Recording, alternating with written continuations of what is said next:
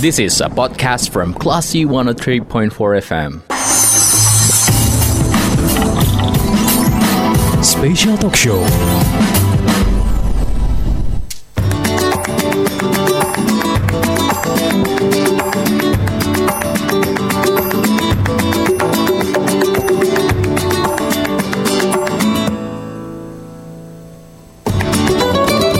Empat Classy FM, this is the actual radio. Selamat pagi Classy People, masih bareng saya Bimo Alvaro dan Anda masih mencermati program The Like Time.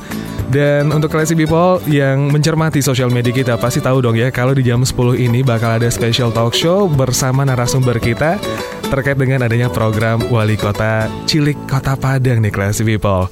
Dan baru-baru ini program yang dijalankan oleh pemerintah Kota Padang dalam memberikan dampak positif kepada masyarakat ada namanya program Wali Kota Cilik nih Classy People di mana mereka yang terpilih bisa menjadi wali kota dan berkesempatan untuk merasakan bagaimana serunya menjadi seorang wali kota. Tentu bermanfaat sekali dong ya untuk bisa menempa rasa percaya diri dan juga belajar untuk menjadi pemimpin sedari dini. Langsung aja kita sapa narasumber kita yang sudah hadir di studio ada uh, Ibu Nike yang merupakan perwakilan dari P3 P3AP 2KB Kota Padang. Selamat pagi Bu Nike. Selamat pagi. Nah, langsung juga nih Classy People ada adik-adik ya dari Wali Kota Cilik Kota Padang nih. Ada juga uh, Taibal Syafiq. Selamat pagi Syafiq. Oke, nah ada juga nih Keisha. Selamat pagi Keisha. Selamat pagi Kak. Oke, kita banyak banget nyiapin uh, pertanyaan buat teman-teman semua dan semoga bisa enjoy ya selama special talk show kita berlangsung. Ada juga nih tim dokumentasi dari Wali Kota Cilik uh, Padang dan kita pengen langsung tanya aja nih sama Ibu Nike uh, yang merupakan perwakilan dari P3 AP 2KB Kota Padang. Nah, sebelum kita kulik uh, dari Wali Kota Cilik Kota Padangnya nih Bu Nike, boleh dijelaskan awal mula diadakannya program Wali Kota Cilik ini? Kenapa bisa diadakan program Wali Kota Cilik ini, Bu Nike? Oke, uh, makasih Kak Bimo ya. Uh, program Wali Kota Cilik ini sebetulnya sudah berjalan ini tahun yang kedua. Di awalnya itu tahun 2021 itu merupakan uh, ide dari Bapak Wali Kota kita, Bapak Hendri Septa. Hmm. Uh, karena melihat uh, ada potensi di anak-anak gitu. Okay. Jadi ingin menggali kreativitas anak. Nah, di tahun 2021 itu uh, diadakanlah lomba tingkat SD lomba karya tulis tingkat SD yang diikuti oleh uh, murid-murid kelas 5 dan 6 sekota Padang. Mm -hmm. Kemudian terpilihlah dua orang, uh, itu si Lutfia, mm -hmm. kemudian Delvin. Nah, di tahun 2022 kami mencoba untuk meningkatkan lagi. Nah, dari anak SD kita kembali uh, apa meningkat ke tingkat SMP dan MTS Kota Padang. Mm -hmm. Nah, itu kemudian berlanjutlah dia dengan karya tulis juga. Namun agak berbeda. Kalau hmm. di tahun 2021 itu uh, kita dalam kondisi pandemi, hmm. kita tidak bisa bertatap muka. Jadi teman-teman yang dari SD itu uh, lombanya zooming. Hmm. Jadi wawancaranya lewat Zoom meeting dengan Bapak Wali Kota. Tetapi alhamdulillah di tahun 2022 ini uh, kita bisa melaksanakan uh, tatap muka, uh, face to face dengan Bapak Wali Kota dengan juri-juri juga.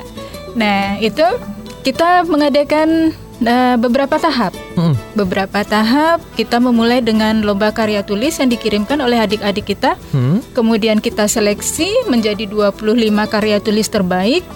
Kemudian 25 nominasi ini kita hmm. wajibkan untuk membuat um, video uh, video orasi uh, apa yang mereka tulis di karya tulis mereka itu hmm. mereka um, apa uh, implementasikan ke dalam bentuk video kemudian mereka kampanyekan di sekolahnya masing-masing. Wow. Uh, kemudian uh, dari yang 25 itu kita seleksi lagi menjadi 10.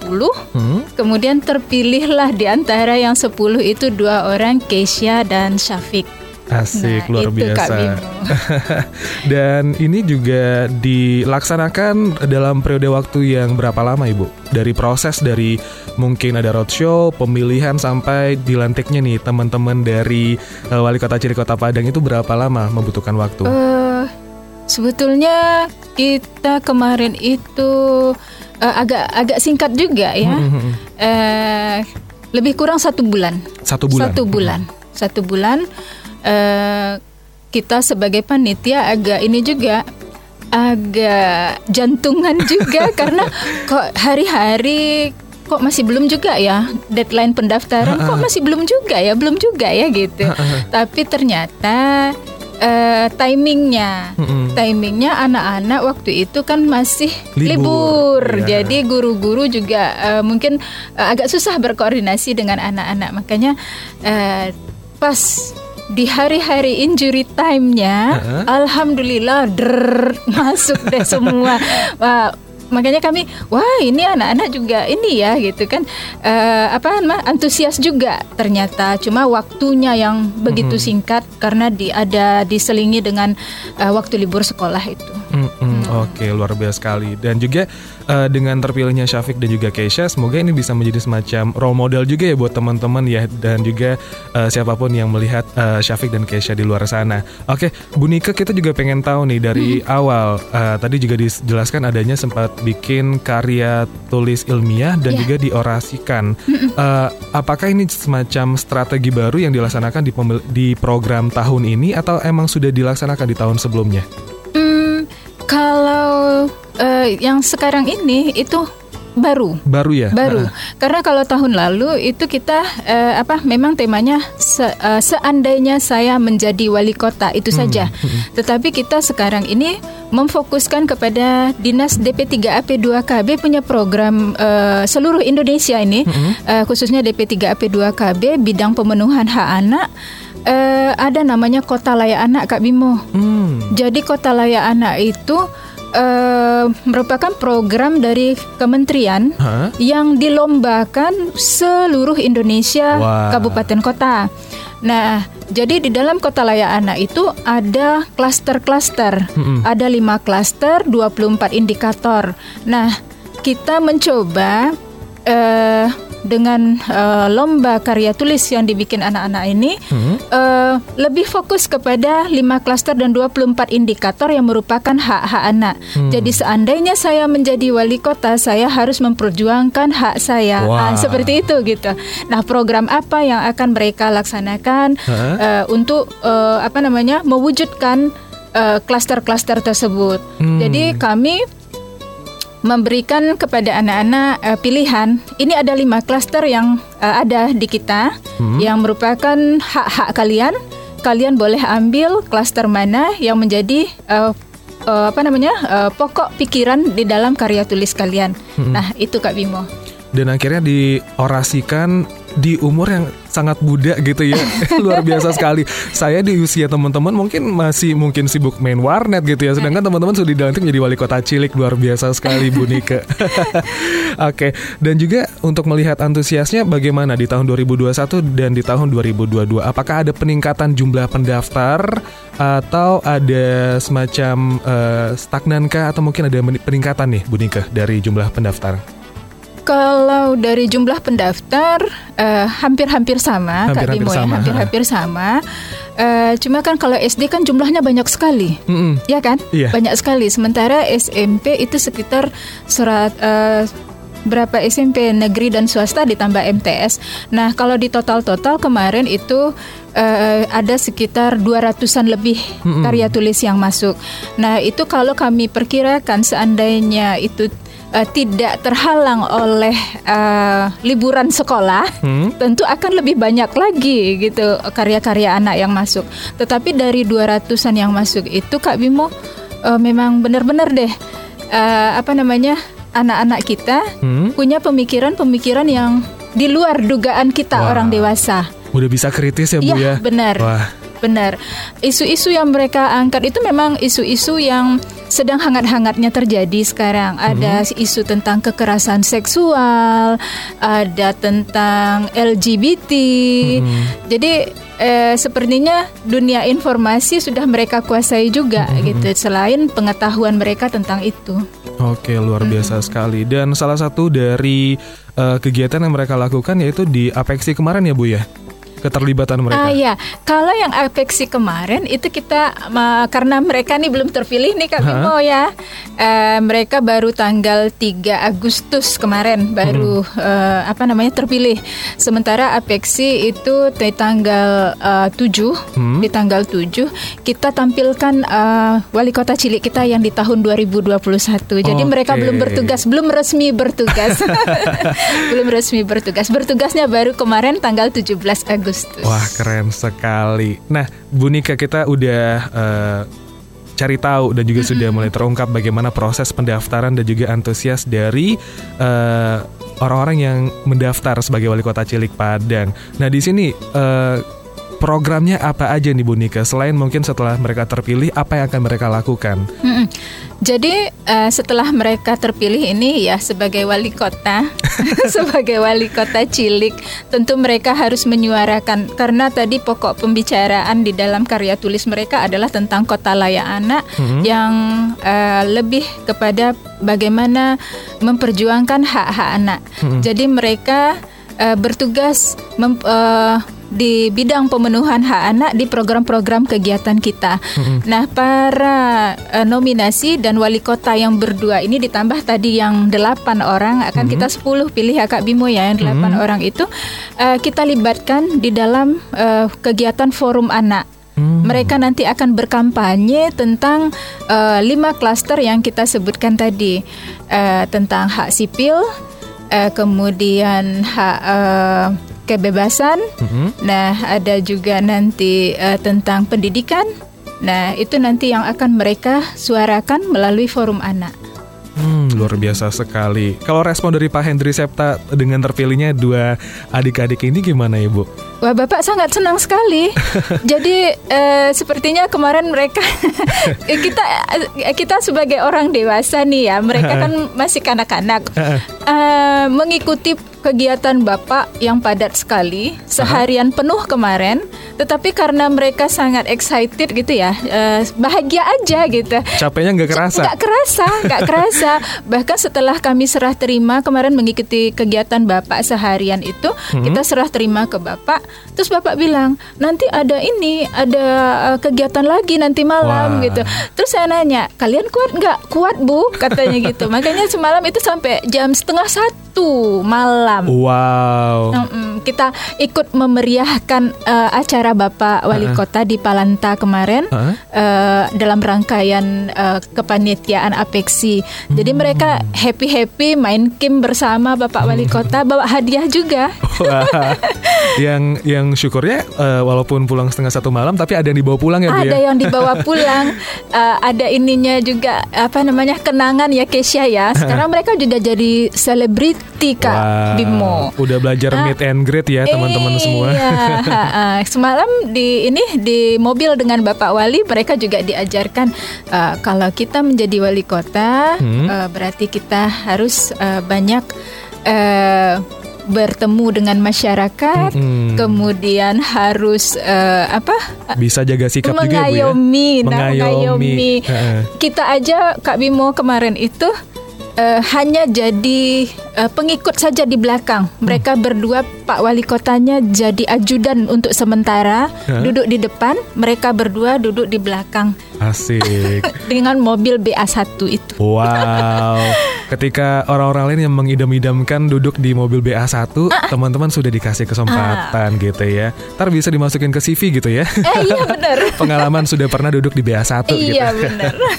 Oke, terakhir nih Bu, sebelum kita masuk ke sesi 2, eh, bagaimana eh, hubungan dan cara mengkomunikasikan kegiatan Wali Kota Cilik ini kepada orang tua adik-adik ini, Kesha dan juga eh, Syafiq? Mm-mm. Jadi eh, di awal-awal kita kan itu eh, apa DP3 AP2KB membuka membuka pengumuman itu bekerja sama dengan Dinas Pendidikan Kak Bimo ya. Kemudian kami minta bantu kepada Dinas Pendidikan untuk eh, menginformasikan ke sekolah. Nah, di situ kita minta pihak sekolah mengutus anak-anak dengan surat resmi Hmm. dengan surat resmi otomatis dengan demikian tentu persetujuan sekolah keikutsertaan mereka nah setelah mereka terpilih kemarin kami juga bilang kepada eh, orang tua bahwa setelah ini anak-anak kita pasti dengan kegiatan yang padat Mm-mm. nah alhamdulillah eh, bapak ibu ayah bunda sangat mendukung Hmm. sangat mendukung. Contohnya semalam aja sampai jam setengah Wah. satu mereka antusias juga mengikuti kegiatan anak-anak. Oke, Alhamdulillah asik ya. tidak ada tidak ada apa namanya tidak ada kendala sama sekali. Alhamdulillah. Oke deh Bu Nika kita bakal tahan dulu di sesi satu. Oke. Kita nggak sabar untuk ngobrol langsung sama wali kota Cilik, Kota Padang ada Keisha dan Syafiq. Tapi kita bakal lanjut di sesi 2. Jadi jangan ke mana-mana Classy People. Keep in tune in 103.4 Classy FM di Actual Radio.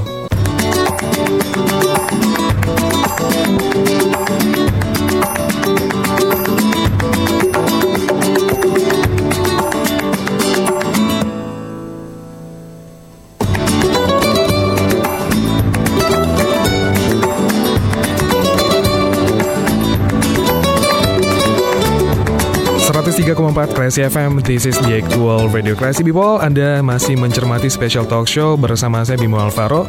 Dan kita masih ngobrol bersama teman-teman dari Wali Kota Cilik Kota Padang nih. Kalau tadi ada Bu Nike selaku perwakilan dari P, eh, P3AP2KB Kota Padang yang sudah menjelaskan terkait dengan alur dari terpilihnya teman-teman wali kota Cilik ini dan juga bagaimana antusias para pendaftar di tahun 2022. Langsung aja ya kita ngobrol bersama ada Keisha, Maisaroh dan juga ada Taibal Syafiq nih. Langsung kita sapa. Eh, Assalamualaikum, selamat pagi teman-teman. Waalaikumsalam pagi kak Oke, nah kita pengen cek dulu nih kabarnya gimana nih Keisha dan juga Syafiq. Ya Keisha juga sama sehat Alhamdulillah Oke, baik. Nah, di sini mungkin kita pengen eh, tanya-tanya ya gimana perasaan teman-teman ketika sudah terpilih menjadi wali kota Cilik. Dari Keisha dulu deh, coba. Gimana perasaannya sudah terpilih menjadi wali kota Cilik Padang tahun 2022?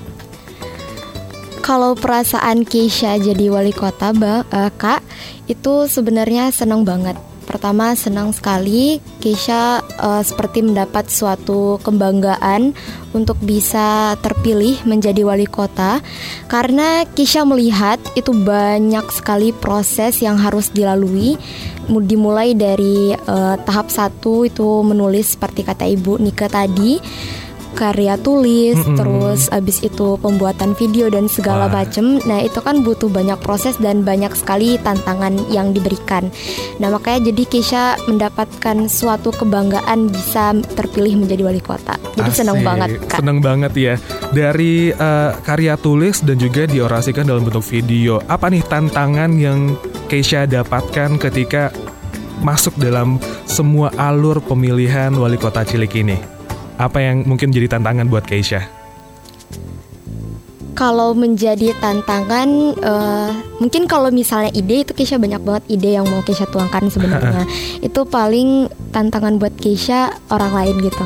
Kenapa? Kenapa? Karena dari sekian banyak orang lain itu mereka pada bagus-bagus, Hmm? pada yang mempunyai ilmu yang lebih banyak, lebih luas daripada Keisha. Yang Keisha masih kayak merasa belum memiliki ilmu yang dalam gitu tentang Mm-mm. tentang kota layak anak gitu kan kak. Jadi masih ada perasaan eh, bisa nggak ya gitu. Oke, berarti ada rasa insecure dikit ya. Insecure, iya. Oke, nah kita pindah dulu ke Syafiq. Syafiq gimana nih perasaannya ketika menjadi wali kota Cilik Kota Padang 2022? Nah, perasaan Syafiq eh, tentunya senang kak dalam mengikuti agenda sehari menjadi wali kota eh, kemarin gitu pada tanggal 17 Agustus. Hmm. Perasaannya senang pasti dong ya. Iya. Oke, kalau tadi kita udah nanya ke Keisha, eh, gimana tantangan ketika mengikuti pemilihan dari program wali kota Cilik ini? Kalau dari Syafiq, apa yang menjadi tantangan ini Syafiq? Kalau eh, tantangan bagi Syafiq itu izin dari sekolah sih kak. Jadi kan Syafiq sekolah di asrama gitu, Heeh. di Arisalah. Jadi Arisalah tuh eh, ribet gitu izinnya harus ke pihak pengasuhan, pihak asrama, pihak sekolah gitu. Juga Hmm. ada pihak yayasan gitu. itu sih ribetnya gitu. Oke, berarti so far dari persiapan Safik udah aman kali ya. Iya. Berarti tinggal restu izin dari asrama itu sendiri. Oke, dan sejauh ini ketika Safik eh, sudah mulai terpilih, bagaimana respon dari eh, yayasan dan juga asrama? Alhamdulillah diberi apresiasi dan dukungan, support juga. Hmm. Uh, diber, uh, pokoknya dapat apresiasi lah dari yayasan dari sekolah. Hmm, berarti izinnya menjadi semacam berkah juga buat Iya. Safik ya, Safik ya. Iya, iya. Oke deh, Keisha dan Safik. Nah, sudah melakukan kegiatan apa aja eh, setelah dilantik sebagai wali kota Cilikota Padang? Kalau Safik dulu deh, udah ngapain aja? Uh, paginya jam 6 uh, startnya tuh di rumah wali kota bang. Hmm. Uh, yang terus kemudian ke kantor balai kota menghadiri acara upacara uh, HUT RI yang ke-77. Hmm. Kemudian uh, kami berkunjung ke Taman Makam Pahlawan di Kuranji Hmm. dan kemudian juga ada ke panti asuhan dan finishnya di Dinas Pendidikan dan Kebudayaan Kota Padang. Oke, padet ya. Ya.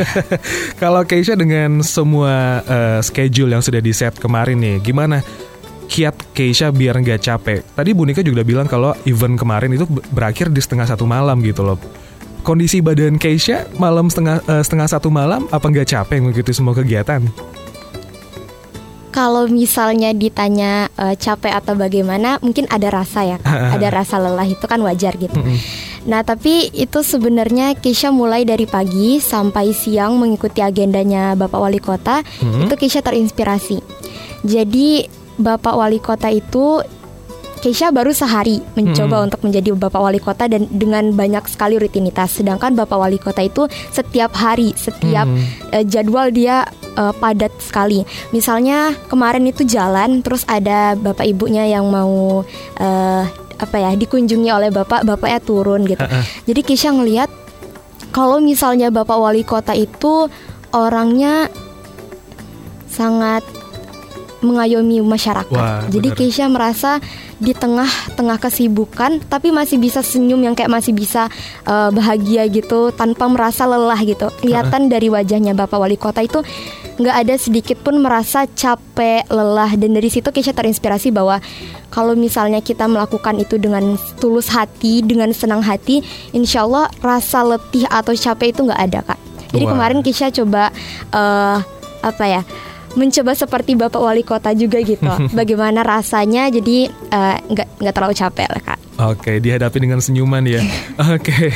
Dan Syafiq dan juga Keisha kan udah terpilih menjadi wali kota Cilikota Padang. Respon dari teman-teman sekitar gimana? Eh, Syafiq gimana teman-teman di sekolah ngelihat Syafiq menjadi wali kota Cilikota Padang?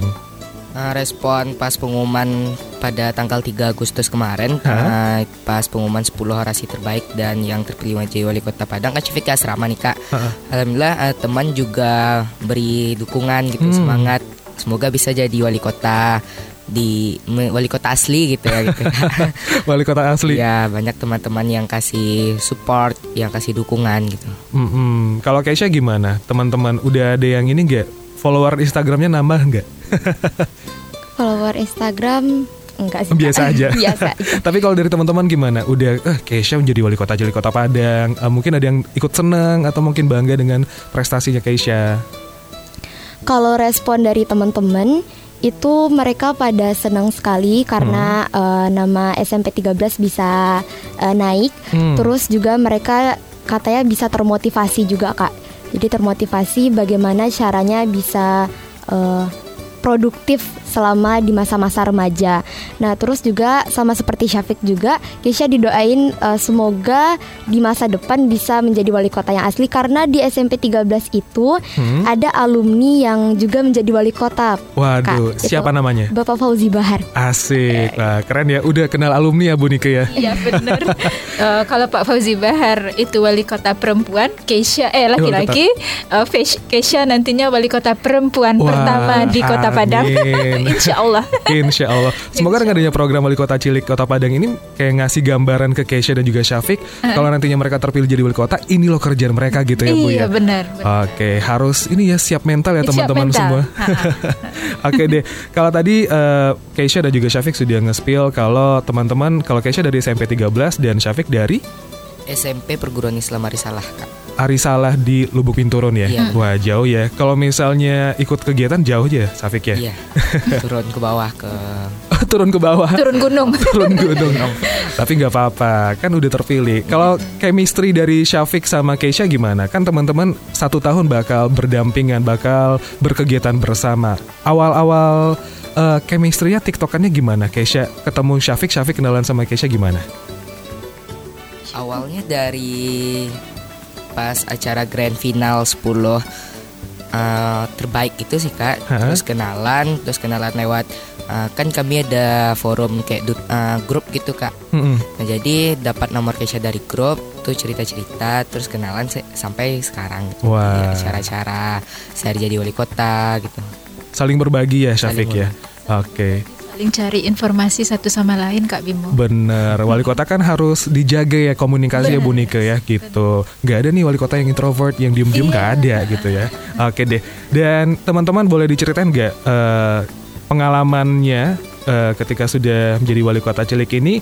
Kira-kira apa nih yang mulai eh, meningkat dari teman-teman semua? Mungkin walaupun beberapa hari menjadi wali kota cilik, apa nih yang mulai kerasa? Apa yang mulai terdevelop gitu loh? Yang berkembang dari diri teman-teman semua? Mungkin dari segi public speaking atau mungkin sudah mulai kuat dalam jalin kegiatan atau gimana? Kalau- Keisha dulu deh. Oke. Kalau dari Keisha yang mungkin kerasa banget itu mulai dari public speaking seperti kakak tadi. Jadi Keisha sebelum 17 Agustus itu udah lebih melatih lagi Mm-mm. public speakingnya karena kan eh, bapak wali kota public speakingnya bagus banget. Jadi Mm. Keisha juga ingin mencoba bisa public speaking yang keren, yang bagus gitu kan. Nah terus sisi kedua itu Keisha percaya diri mungkin kak Mm-mm. percaya dirinya lebih eh, tinggi terus habis itu juga ditingkatkan lagi gitu Mhm. Segi apa lagi ya Eh, segi mengatur waktu Mengatur waktu. mengatur Wah. waktu ya kalau misalnya Keisha kan udah terpilih menjadi eh, wali kota terus Mhm. juga di sekolah Keisha alhamdulillah juga terpilih jadi ketua osis Hmm. Nah, jadi sekarang udah kelas 9 juga. Jadi bagaimana cara Keisha itu bisa tetap aktif di organisasi, di forum, tapi tidak meninggalkan pelajaran Mm-mm. gitu. Itu sulit ya Keisha ya apalagi mungkin buat mereka yang punya kegiatan di luar ketika sudah harus diseimbangkan dengan akademik kadang ada yang susah gitu ya Bu Nike ya sampai akhirnya mereka kayak mengorbankan salah satu Salah satu. itu benar banget nih time management memang harus bisa dilatih dari sekarang kalau Syafiq gimana nih Syafiq Kalau Syafiq, uh, sama sih seginya sama Keisha gitu. Hmm. Uh, percaya diri kita makin meningkat pas jadi wali kota cilik kemarin Hmm?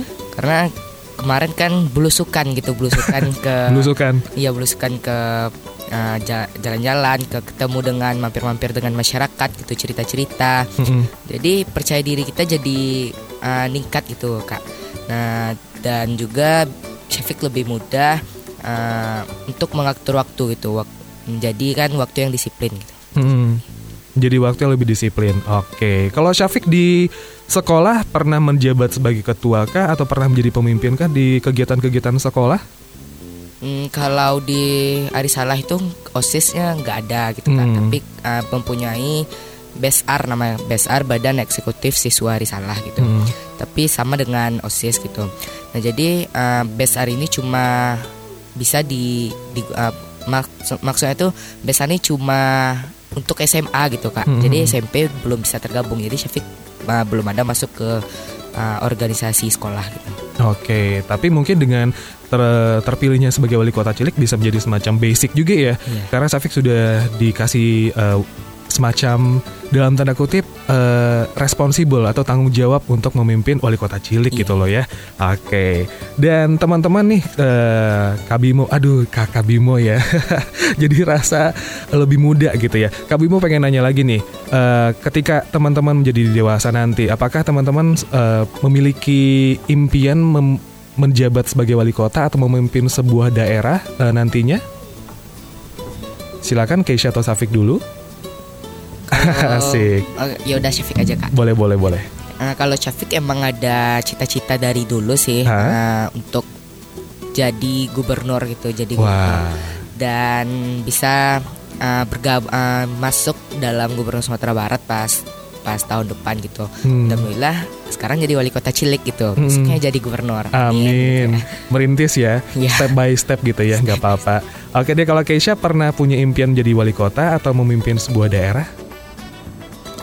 Kalau misalnya cita-cita itu nggak sampai sana sih kak, tapi melihat dari yang kemarin rutinitas seperti itu, Keisha jadi kayak terinspirasi, jadi ingin juga Hmm. untuk bisa lebih dari eh, sekarang. Misalnya sekarang misalnya seperti Syafiq, sekarang jadi wali kota, mungkin besok bisa lebih lagi gitu, jadi gubernur dan segala macam. Wah, nggak apa-apa ini semacam batu loncatan ya buat teman-teman semua ya. Oke, dan eh, siapa tahu mungkin crazy people yang mungkin satu sekolah atau mungkin kerabat dekat dari Keisha atau Syafiq melihat teman-teman sudah ada di studio dan juga memberikan alasan dan juga apa aja yang mereka dapatkan sebagai wali kota Cilik Kota Padang bisa menjadi inspirasi juga buat pemilihan tahun depan ya Bu Nike ya. Dan kita harapkan juga eh, classy people yang saat ini SMP, siapa tahu tahun depan SMA juga bisa diizinkan. Iya, insya Allah. Eh, tapi mungkin kita kalau SMA, mungkin kita bukan SMA-nya Kak Bimo, dari usia mungkin Dari nanti usia. kita. Karena eh, menurut eh, yang namanya anak, ukurannya anak itu 0 sampai 18 tahun. Ha-ha. Jadi mungkin nanti kita akan kriterianya bukan SD, SMP atau SMA lagi, tetapi anak di usia rentang eh, eh, sebelum 18 tahun. Mm-mm. Nah, jadi kalau udah 19 tahun nggak bisa lagi Kak Bimo. Wah, kalau misalnya 18 tahun tapi masih kurang sehari, masih diizinkan Ibu? Sehari. ya bisa jadi, Bisa bisa, di- jadi, bisa bisa, di, dipertimbangkan. bisa dipertimbangkan. Asik. Oke deh, teman-teman semua dan Bu Nika, kita akan lanjut di sesi 3 buat Classy People. Jangan ke mana-mana, kita masih eh, ngobrol bersama Wali Kota Cilik Kota Padang bersama saya Bimo Alvaro. 103,4 Classy FM This is the actual radio Classy People. Anda masih mencermati special talk show bersama saya Bimo Alvaro. Dan kita masih ngobrol bersama teman-teman dari Wali Kota Cilik Kota Padang 2022 dan juga ada Bu Nike dari P3AP2KB Kota Padang. Selamat eh, pagi. Kita cek dulu semangatnya teman-teman semua. Selamat pagi Pagi. Pagi kak.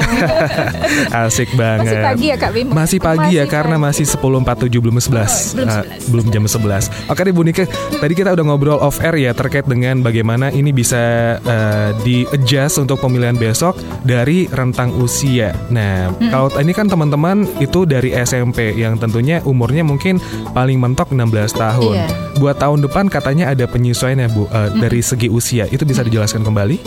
Iya, eh, karena eh, eh, apa namanya eh, eh, kriteria anak itu, Hmm? anak itu di eh, apa berumur dari 0 sampai 18 tahun Kak Bimo. Nah, kalau sekarang kita mengambil adik-adik dari eh, SMP, kasihan juga tuh teman-teman kita yang SMP paling ya umur 14, 15, 16 lah paling-paling gitu. Nah, yang umur 18 eh, gimana gitu itu kan masih usia anak juga dan itu memang dari kementerian memang eh, ukuran ukuran yang namanya anak itu 0 sampai 18 tahun. Nah, eh, kita ter apa namanya karena banyaknya ya, Bu, masukan ya? gitu. Kok kita nggak diikutkan? Kita padahal mau juga gitu kan. Eh, ada juga wah terlalu cepat nih saya ini SMA dia bilang gitu. Mending saya SMP bisa ikut gitu kan. Nah dari masukan-masukan teman-teman eh, mungkin kita nanti ke depannya akan eh, memprogramkan eh, dengan batasan umur tadi. Jadi walaupun mereka SMP karena eh, apa? Walaupun mereka sudah SMA tetapi batasan umur mereka masih berada di bawah 18 tahun, nanti kita akan oh coba untuk memprogramkannya untuk eh, menjadi wali kota. Oke, luar biasa sekali. Tadi Bu Nika juga menjelaskan bahwasanya dari seleksi pemilihan wali kota Cilik Kota Padang ini mereka diwajibkan untuk membuat semacam karya tulis ya. Iya, benar. Kita pengen nanya ke Syafiq dan juga Keisha deh. Pas seleksi kemarin, apa nih tema yang teman-teman angkat eh, untuk bikin karya tulis ilmiah? Kalau Syafiq, temanya apa kemarin itu? Kalau Syafiq, andai aku jadi wali kota sih kak. Andai aku jadi wali kota. Iya. Itu apa nih permasalahan yang Syafiq angkat di karya tulis itu?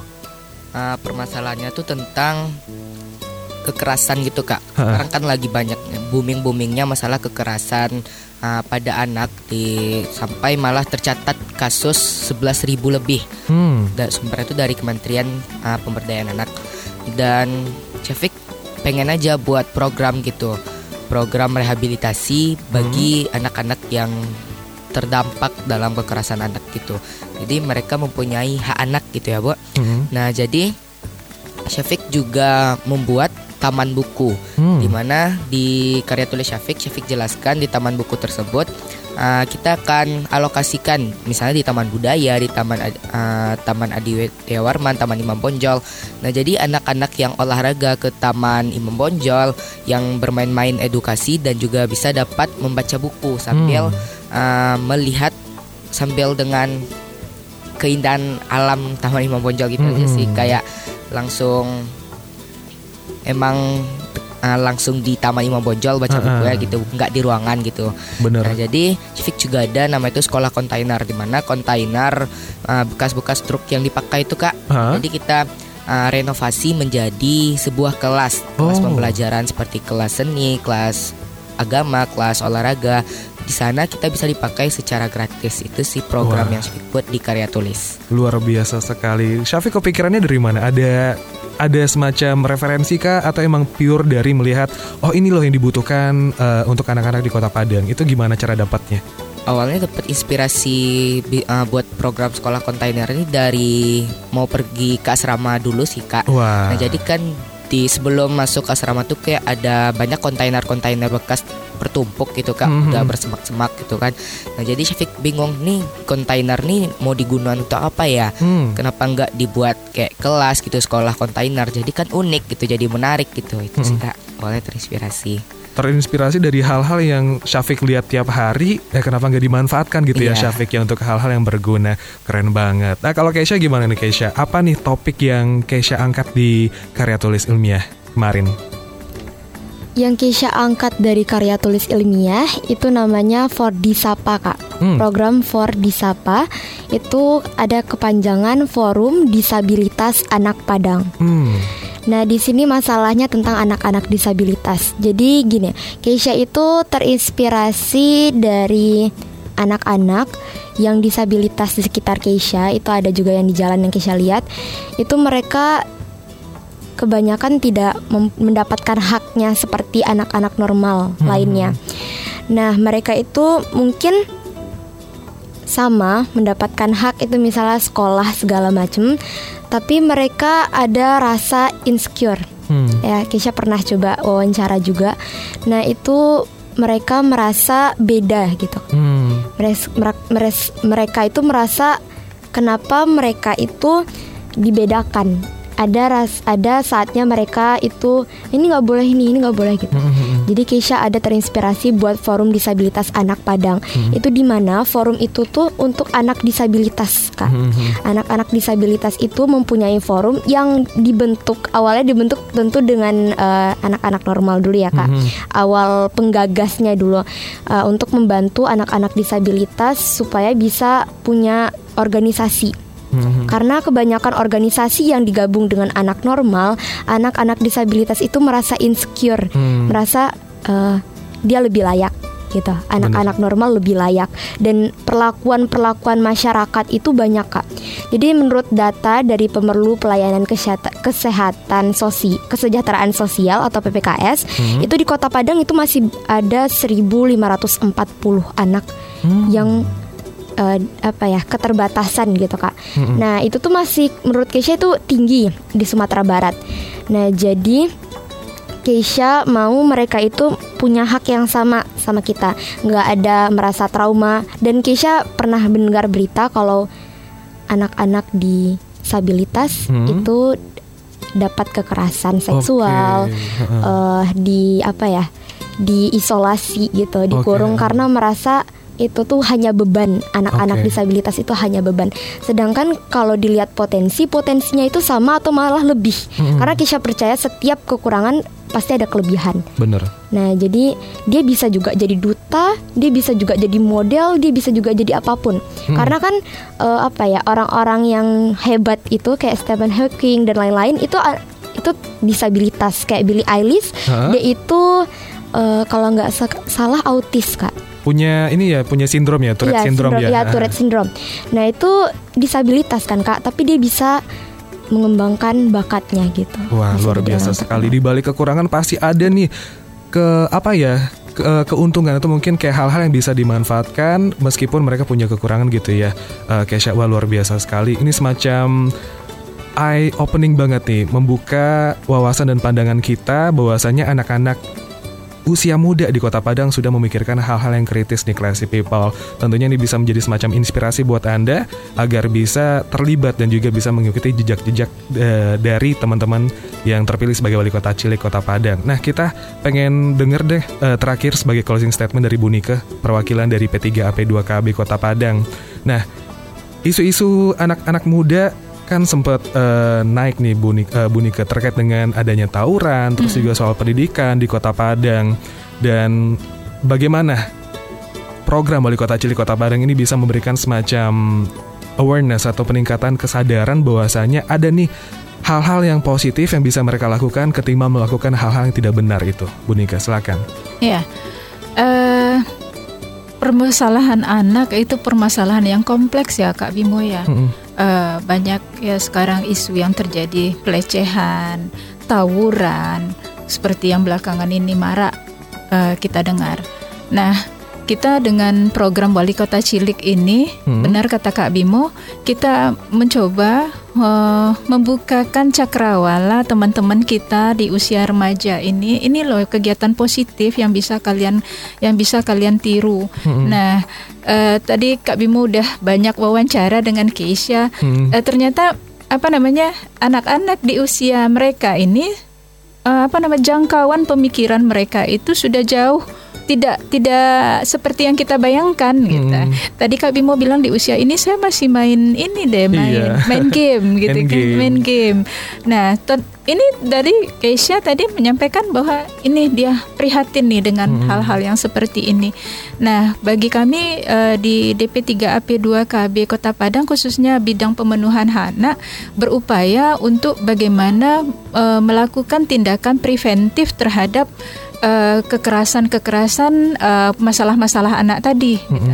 Nah, memang tugas berat bagi kami di eh, DP3AP2KB khususnya bidang pemenuhan anak eh, apa namanya eh, melakukan tindakan preventif sebetulnya itu lebih penting daripada tindakan kuratif Hmm. karena pri- kita bisa apa mencegah lebih baik daripada mengobati. Mengobati ini biayanya gede sekali, Kak Hmm. Bimo.